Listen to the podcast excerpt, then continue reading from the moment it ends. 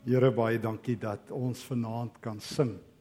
Here ons kan baie goeie sing, maar dankie dat U vir ons bo al leer om U melodieë agterna te sing. Here ons leef in 'n wêreld wat wat musiek sing wat ja, nie uh altyd na die koninkryk van God toe gaan nie. Ons leef in 'n wêreld wat treur en huil En nou kom U en U lei ons hoër. U lei ons nader na U toe. Doen dit asseblief vanaand. Gee Here dat ons dat ons nuwe musiek sal hê. Dat ons nuwe lof sal hê. Dat ons op nuwe maniere sal sing. Bring 'n nuwe vuur in ons harte. 'n Nuwe passie asseblief Here. U alleen, U die lewende Here. U alleen. U alleen kan dit doen in Jesus se naam. Amen. Uh ek preek so ruk gelede by 'n gemeente en ek onthou die oggend terwyl ek preek, sien ek 'n oom so naderhand so in die ergens in die middel van die uh, gehoor wat die hele tyd so op sy horlosie kyk. En op 'n stadium skud hy sy arm om te hoor of sy horlosie werk. En ek weet dit gaan dalk bietjie suid en ek sien op 'n stadium draai hy om en daar's 'n horlosie ook so reg agter die uh, agter die uh, agter in die kerk. En ek vergeet daarvan en toe ons huis toe ry toe vra my vrou, sy was saam en sy sê so op 'n stadium vir my uh, skat het die mense jou betaal om vanoggend hier te preek by hulle. Ek sê ek dink so en ons los dit en ons ry so ent en na so rukkie vra ek vir hoekom vra jy? Sy sê ek dink jy moet dit dalk maar teruggee vir hulle. So ek besef ek het nie altyd die passie waaroor ek moet praat nie. Ek moet ook so nou en dan bietjie in die buiteland klas gee en ek uh gee bietjie klas daar in Australië so ruk gelede en ek moet een aand by 'n plaaslike baptiste kerk daar in Australië preek. Een van die plaaslike gemeentes vra my. Daar's 'n blinde ou in die kerk en na die diens kom iemand na my toe en sê die blinde ou wil graag so bietjie met my gesels. En sy heel eerste woorde is is this the first time you've ever preached? en ek sê vir hom no. Actually it's about 30 years now. En hy en ek bly toe stil vir 'n rukkie.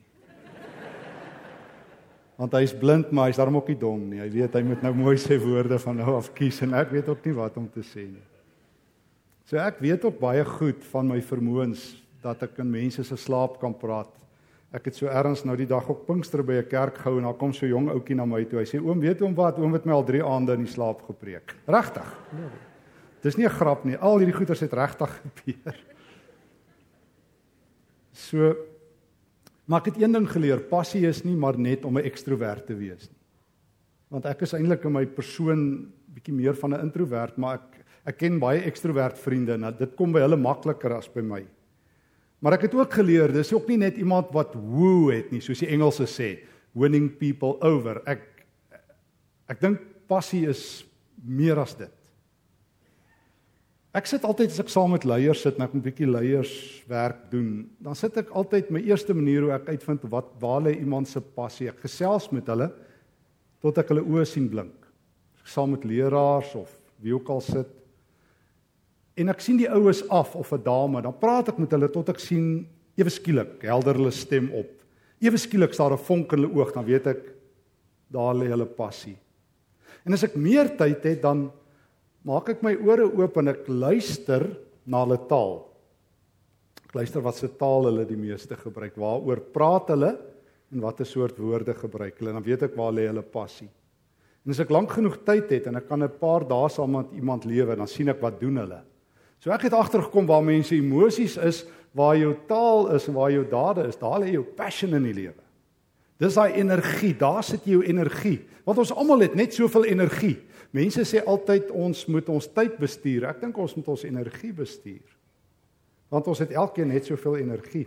Ek weet ons brein trek 20% van ons liggaam se energie en ons gebruik die ding nie eers te baie nie. Dis baie keer veral in die kerk is dit so breindood-sone. Ek uh, ons gee graag ons harte vir die Here en ons hou ons koppe vir onsself. Maar feit is passie het te maak met met waar waar my emosies gebeur, waar my my taal gebeur, waar my lewe gebeur. Maar dit gaan oor meer as dit, ouens. Ons is Christene. Ek dink of ons sê ons volg Jesus. En dan is daar iets anders rondom passie.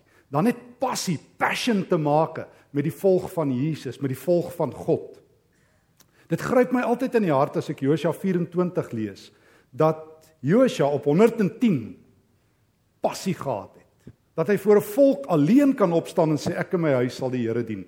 Op 110 jaar oud het niemand getwyfel oor Josua se geloof nie.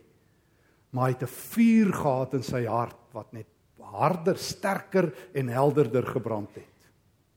Hy het iets verstaan wat Paulus eeue later sê in 2 Korintiërs 4, waar Paulus gesê het: "Al vergaan ek uiterlik, innerlik word ek van dag tot dag vernuwe." Die Here het 'n vuur in my hart wat hy die heeltyd aan die brand hou, wat hy koester, wat hy kindel en wat brand. En ek dink as ek Psalm 27 lees en ek en ek hoor, miskien ek 'n stukkie daarvan lees, dan hoor ek iets van van van hierdie koning se se se se se absolute passie vir die Here. As hy skrywe um Psalm 27 vers vers 4. Net een ding het ek van die Here gevra en ek sal dit najag, dat ek my hele lewe lank in sy huis mag woon om sy goedheid te sien en daaroor na te dink in sy tempel. En dan sê hy hierdie groot woorde vers 13: As ek nie geglo het dat ek die goedheid van die Here sal sien in die land van die lewens nie, in die lewendes nie, dan seker doetjies. As ek nie geglo het in die goedheid van die Here nie. En die ou wat vir my die meeste passie het van almal in die Bybel, Paulus. As hy um in Filippense 3 iets daaroor skrywe. En en en ons het mos nou al vir mekaar gesê, hy sit in 'n tronk. Tronke is nie plekke waar waar 'n ou graag wil wees nie, veral nie in die eerste eeu nie, veral nie in Rome nie. Rome is vers, uh, tronke is verskriklike plekke. En hier sit Paulus in 'n tronk en hy en hy skryf oor sy diep vuur vir die Here. Paulus weet alles alles hy in kettinge is die evangelie nie in kettinge nie. Hy sê in Filippense 3 vers 7 wat vir my bate was, beskou ek nou as waardeloos ter wille van Christus. Ek beskou alles as waardeloos want om Christus my Here te ken oortref alles in waarde. Um vers 10 Al wat ek wens is om Christus te ken, die krag van sy opstanding te ondervind, deel te hê aan sy lyding en deur aan hom gelyk te word in sy dood. Vers 12 Ek sê nie dat ek dit alles al bereik het nie, maar ek span my in om dit myne te maak omdat Christus my reeds syne gemaak het. Ek verbeel my nie dat ek alles het nie, maar ek los dit wat agter is en jaag na wat voor is. Dis iemand wat passie het. En en een ding wat ek agterkom, julle sal dit sien ook in Suid-Afrika, dat hoe langer mense in die lewe is, hoe meer verloor hulle passie dikwels. As 'n baie goeie rede, die slim ouens wat bietjie kyk oor hoe werk ons brein, sê vir ons dat hoe ouer jy word, hoe meer reseptore vir vrees het jy. In gewone taal, jy word banger. Jy word banger. In Suid-Afrika is nogal 'n plek wat jou kan bang maak. Ek verstom my nie Amerikaners dat hulle ou Donald Trump sien as die ou wat hulle kan veilig hou. Maar uh miskien lê dit in sy hare. Maar feit is Simpson. Maar feit is die die feite is mense passie gaan op weg. Ek sien baie ouens verloor hulle energie. Ek sit nou die dag saam met 'n uh, 'n uh, ou wat geestelike leier wat vir my vertel Hy wens hy kan weer die vuur hê wat hy vir die Here gehad het 10 jaar terug. Hy sê the fire is gone. En ons baie dinge wat dit steel. Die lewe steel dit. Suid-Afrika steel dit.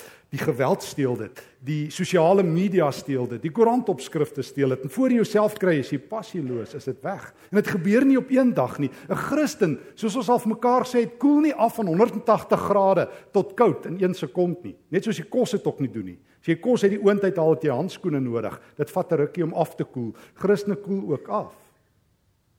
En die Bybel praat baie daarvan oor hoe mense kan afkoel. Soveel so dat Jesus op 'n dag vir sy gemeente in Laodicea sê: "Julle is nou so passieloos dat ek ehm um, letterlik soos daar in die Griek staan, julle moet uitbraak uit my mond uit. Want julle is nie meer koud nie en julle is ook nie meer warm nie. Julle is nou hierdie in tussenin."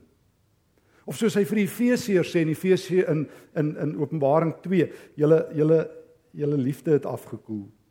Julle is nog oukei, okay, maar julle is net daai bietjie passie weg.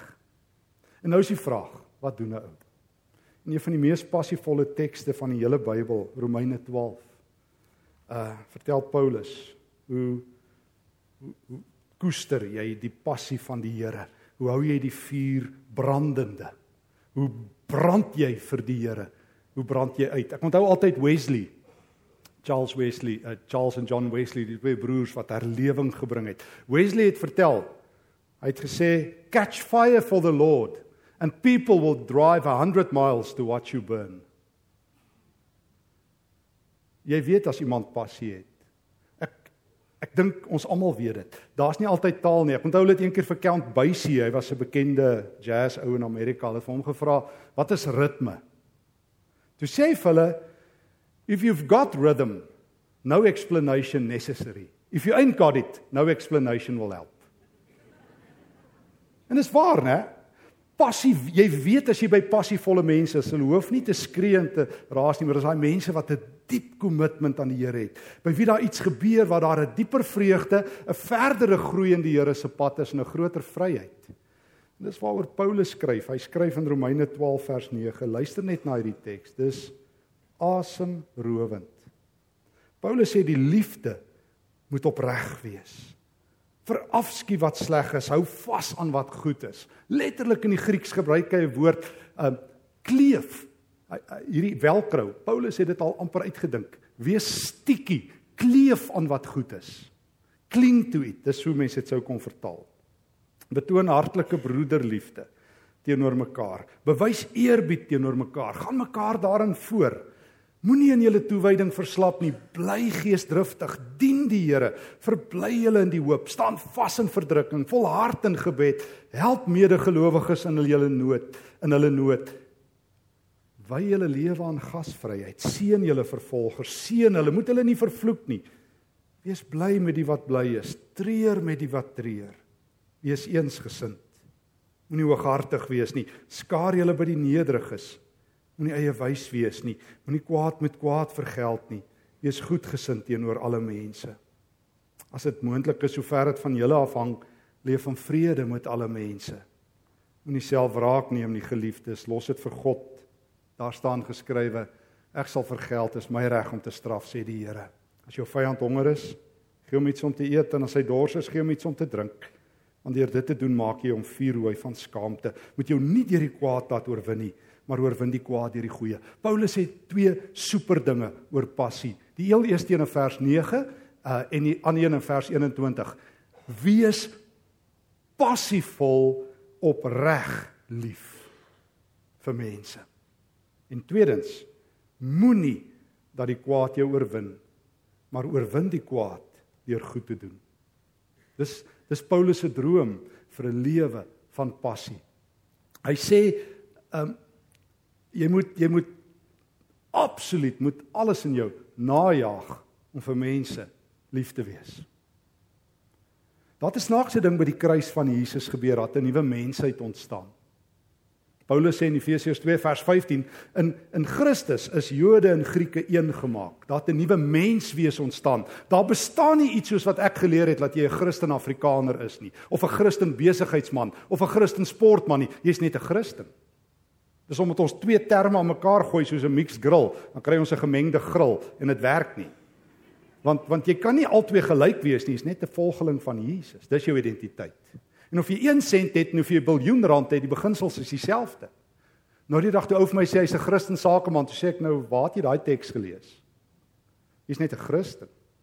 Want dieselfde beginsel geld vir die ou wat twee stelle klere het Hy moet die helfte weggee as die biljoenêr met wie Jesus praat. Hy moet 50% weggee. Jesus het nie ander beginsels.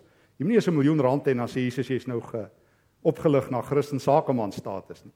Of na Christen sportman status. Jy hoef nie ere klere te hê in een van sport om 'n Christen sportman te wees nie. En net so het ons ook gehoor jy's 'n Christen Afrikaner of 'n Christen Engelsman. Paulus sê jy's 'n volgeling van Jesus. Deal with that. Dis jou identiteit en kan ek weer sê wat ek nou die aand gesê het. Daai wat wat wat ehm um, Bob Goff sê, waar hy vra, sal jy bereid wees om alles wat vir jou belangrik is, will you take everything that's important in your life and trade it up for Jesus? Dis identiteit. Ag jy weet wie's passievol oor die Here. Wanneer Jesus nie die aanvulling is nie, maar die alternatief. Nie net 'n vitamiene drankie wat jy gou vanaand drink, 'n geestelike opkikkering om so 'n bietjie energie te hê tot Dinsdag en dan wen Suid-Afrika weer nie. Maar wanneer Jesus jou lewe is, dan sê Paulus, is jy passievol oor wat hy oor passievol is en dis om lief te hê. Dan kleef jy liefde aan. Dan jaag jy liefde na. Dis waarvoor Christene wêreld beroemd is. Dis wat die vuur aan die brand hou. Jy haat wat sleg is, maar jy jy oefen jou in liefde. Paulus sê jy jy maak moeite om ander Christene ereplek te gee altyd. En dan dink ek aan Franciscus van Assisi. Wat hulle vertel as Franciscus, die vir julle wat gaan lees bietjie op as jy nog nie oor Franciscus van Assisi gelees het nie. Hy was 'n sy was sy pa was 'n adelike en toe het hy alles gelos. En hy het in arm omstandighede uit 'n um, hele beweging begin van arm Christene en wat gebedel het. Hulle vertel dat as Franciscus iemand raakgeloop het wat armer as hy self is, het hy sy klere uitgetrek. Daarom het hy ons altyd aardappelsakke naby gehad om hom daarom net te bedek. Hulle vertel dat ek dink ek het dit ook al genoem dat as hy by kerke gekom het, het hy altyd gevra wie's op toiletdiens. Want die priesters, straf vir die priesters was wat ongehoorsaam was om die toilette skoon maak. Dit was 'n straf. Dis nie kloosterreëls gehou het nie. Dan Franciscus met 'n mop gekom en sê vanaand as jy vry van toiletdiens, ek maak eers die toilette skoon voor ek preek. Franciscus se lewe was om mense te eer, om hulle eer vir hulle terug te gee. Sy eer was daarin, soos Paulus sê, om ander mense met respek te behandel. Hy het passie gehad om ander mense met respek te behandel. Ons sê dit oor en oor vir mekaar, maar waaragtig het hierdie land mense nodig wat ander mense met respek behandel. Sê die woord. Vra jy hoekom dit nie passie nie? Meer, meer mense is passievol oor hulle rugby span en oor hulle wat. Ek het nou die dag by 'n kerkraad gekom waar ek sit En ek sê vir ouens naderhand, ouens ek het nou gehoor hoe hartseer is julle oor die skeieregter en oor die rugby en alles. Hy maar vertel my een goeie storie van die gemeente hierdie afgelope week. Wat het gebeur? Wat het Jesus gedoen? Toe kyk hulle my aan asof ek 'n vreemdeling is, asof ek nie verstaan hoe belangrik rugby in hulle lewens is nie. En dis nou daai tyd van die jaar dat jy rou oor jou span as hulle dit nie maak en kwaad is vir die skeieregter. Mense het meer passie vir dit, maar 'n gelowige volgeling het hierdie is gedurende konnoisseer, 'n soeker na geleenthede om mense te dien.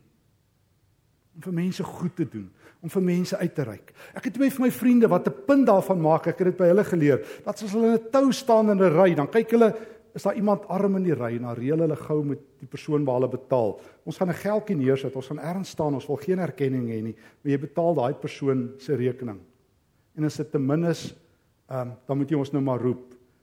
Of want hulle hele lewe sê hulle moet hulle goed doen om hulle self te bevry, maar om vir mense lief te hê. Moenie in julle toewyding verslap nie, bly geesdriftig sê Paulus. En dan het hy 'n klompie praktiese voorstelle. Vers 13: Help medegelowiges in hulle nood. Lê julle toe op gasvryheid. Ek onthou jou van jou vroeë kerkvaders vertel, eendag breek daar 'n klomp skelms in by sy kerk. Kan jy dit glo? En want hy die kerk uitgehoor hierdie die ouens het gehoor hierdie kerk is ryk want hierdie hierdie ou priester het altyd gepraat van sy ryk gemeente toe dink hulle nou moet ons hulle vanaand bietjie vat toe sê hulle ons soek al die kerk se skatte. Toe sê nee is reg. Ek sê hulle moet vat maar hulle die skatte is hier onder in die kerk. Sê hulle nee is reg. En hy stap daar af en hy sluit oop en dis die hele saal vol arme mense wat daar slaap. Sê hier's my skatte. Hier's die kerk se skatte. Dan onthou ek altyd van die middeleeuse teoloog wat by die paus gekom het. En die paus was besig gewees om sy skatte te tel en hy sê vir die vir die teoloog: "God dank, die dae is verby dat ons nie meer soos in Handelinge 3 hoef te sê silwer en goud het ek nie. Die Here daarom voorsien in silwer en goud." En toe antwoord die teoloog: "Helaas is die dae ook verby dat die kerk kan sê in die naam van Jesus: Staan op en loop." Maar wanneer jy vry genoeg is van die besittings en van staf en in 'n passie het vir mense want dis wat Christen het, lyk die lewe anders ter waar Christen is. Baie mense vandag in Suid-Afrika het passie om te haat, om te brand, om te vernietig. En Paulus sê: Doen goed, help medegelowiges, lê julle toe op gasvryheid. Weet julle ouens, dis nie praatjies nie. Ek sit vanoggend saam met 'n dominee wat sê hy's nou al vir 'n paar jaar op reis saam met 300 ander leraars van verskillende kerke wat iets nuuts vir die Here wil doen. Hy sê ons het nou al amper 300 keer vergader en het nog niks gebeur nie.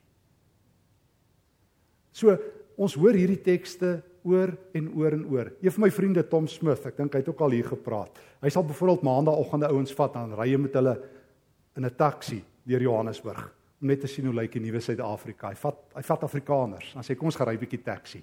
En een van my ander vriende Rudolf Botha sê vat so nou en dan ouens dan sê kom ons gaan slaap in Tembisa by van my vriende. Sodat jy kan in insien hoe kan mense gasvryheid bewys. My skoonseun het nou die aand daar gaan slaap. Hy sê sy hele lewe het verander. Hy sê pa, ek lê in 'n kamertjie wat uh, die die vrou en 'n 16-jarige seun en 'n 9-jarige dogtertjie. Sy slaap op die vloer daai aand en die dogtertjie en ek en die seun kry die bed. En daar's daar's net 'n wasbak, hulle sit die ligte af, hulle stort. En my skoonseun is ook goed met wiskunde, hy moet die ouetjie help die dag met wiskunde met 'n flits. Die ma staan 5 uur op om vir hulle kos te maak en sy R2000 'n maand en sy sê die Here seën haar so. Sy's so gelukkig. Dan stap ek by 'n gemeente en dan sê 'n vrou vir my, sy kan nie uitkom met haar R10000 'n maand en sê ek ek ken baie mense wat kan en nog die vreugde van die Here het en nog gasvry vir jou sal wees en hulle bed vir jou sal afstaan sodat jy op hulle bed kan slaap. Miskien kort ons net die vreugde van die Here. Help medegelowiges. Nou praat Paulus ook met jou vyande want hy sê die een ding wat jy moet weet, jy het ook vyande. Nou daar's een ding wat my vyande kenmerk. Ek dink altyd ek weet hoe definieer ek my vyande, ten minste hou ek nie van hulle nie. Dis hoekom ek hulle vyande noem onder andere. As dit ek hulle vriende genoem. Ek haat eintlik vyande. Dis hier kenmerk. En Paulus sê terwyl jy dit voel, moet jy iets vir hulle doen. Terwyl jy dit voel, moet jy iets vir hulle doen. Seën julle vervolgers, seën hulle vers 14. So so jy jy jy koester jou passie vir die Here. As jy aanhou goed doen, aanhou goed doen vir medegelowiges, jy wag nie vir geleenthede nie. Maar jy koester jou liefde as jy 'n passie het vir vreemdelinge. Ek wil net sê ek ek onthou 'n preker ek gelede by 'n gemeente 'n entjie van hier af van 'n vrou sê vir my sy bid nou al 3 weke vir hierdie arm gemeenskappe wie sy elke dag verbyry om hulle te help. En sy sê vanaand het die preek wat ek nou kwans huis gehou het vir haar antwoord gegee en ek besef toe ek moet nou gou hierdie ding stop want nou nou nou nou dra sy my foto na beurs en dit wil ek nie hê nie. En ek sê vir haar mevrou Wat het jy vanaand gehoor het die Here vir jou gesê? Sy het gesê nee, sy kan nou vir mense help. Ek sê so jy ry vir 3 weke by arme mense verby. So vir 3 weke het hulle nie kos nie terwyl jy bid. Ek sê wie wat mevrou? Dis net ryk mense wat so kan bid. En toe weet ek, toe is hy kwaad, so my foto is nie na beurs nie. Want dit is net ryk mense wat vir arme mense kan bid terwyl hulle vir 3 weke nie kos het nie. Ek sê van mevrou, wat verstaan jy nie van naaste liefde nie? Weet jy wat? Jy moes al 3 weke terug gehelp het en al weer gehelp het en al weer gehelp het dan sou jou geloof 3 weke verder gewees het. Ja, maar sy wil nie die Here se eer steel nie. Ek sê mevrou, kom oor jouself. Drink 'n pilletjie en kom oor jouself. Die Bybel sê nie jy moet eers reg wees nie. Die Bybel sê doen dit, doen dit, doen dit en ek sal jou hart reinig. Jy sal jouself vergeet, maar dis omdat ons nie in die wêreld betrokke is en ons hande vuil maak met die gemors van die wêreld en met die pyn van medemense dat ons nie die evangelie leef nie. Want ons wonder waar's die Here in Suid-Afrika? Hy is in Suid-Afrika soos hy nog altyd was. Dis net sy kerk wat nie daar is nie.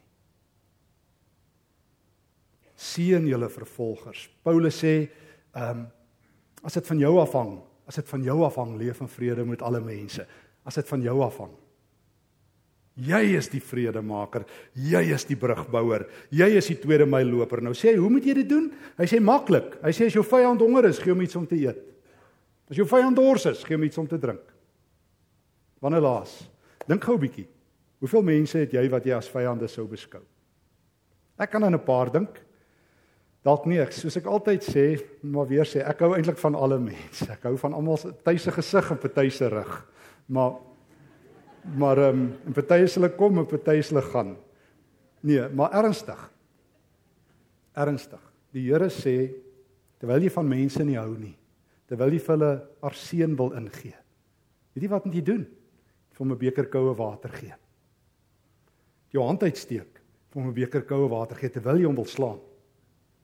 Paulus sê as jou vyand honger is, so jy kook van woede, dan stap jy oor die pad en jy gee jou hand.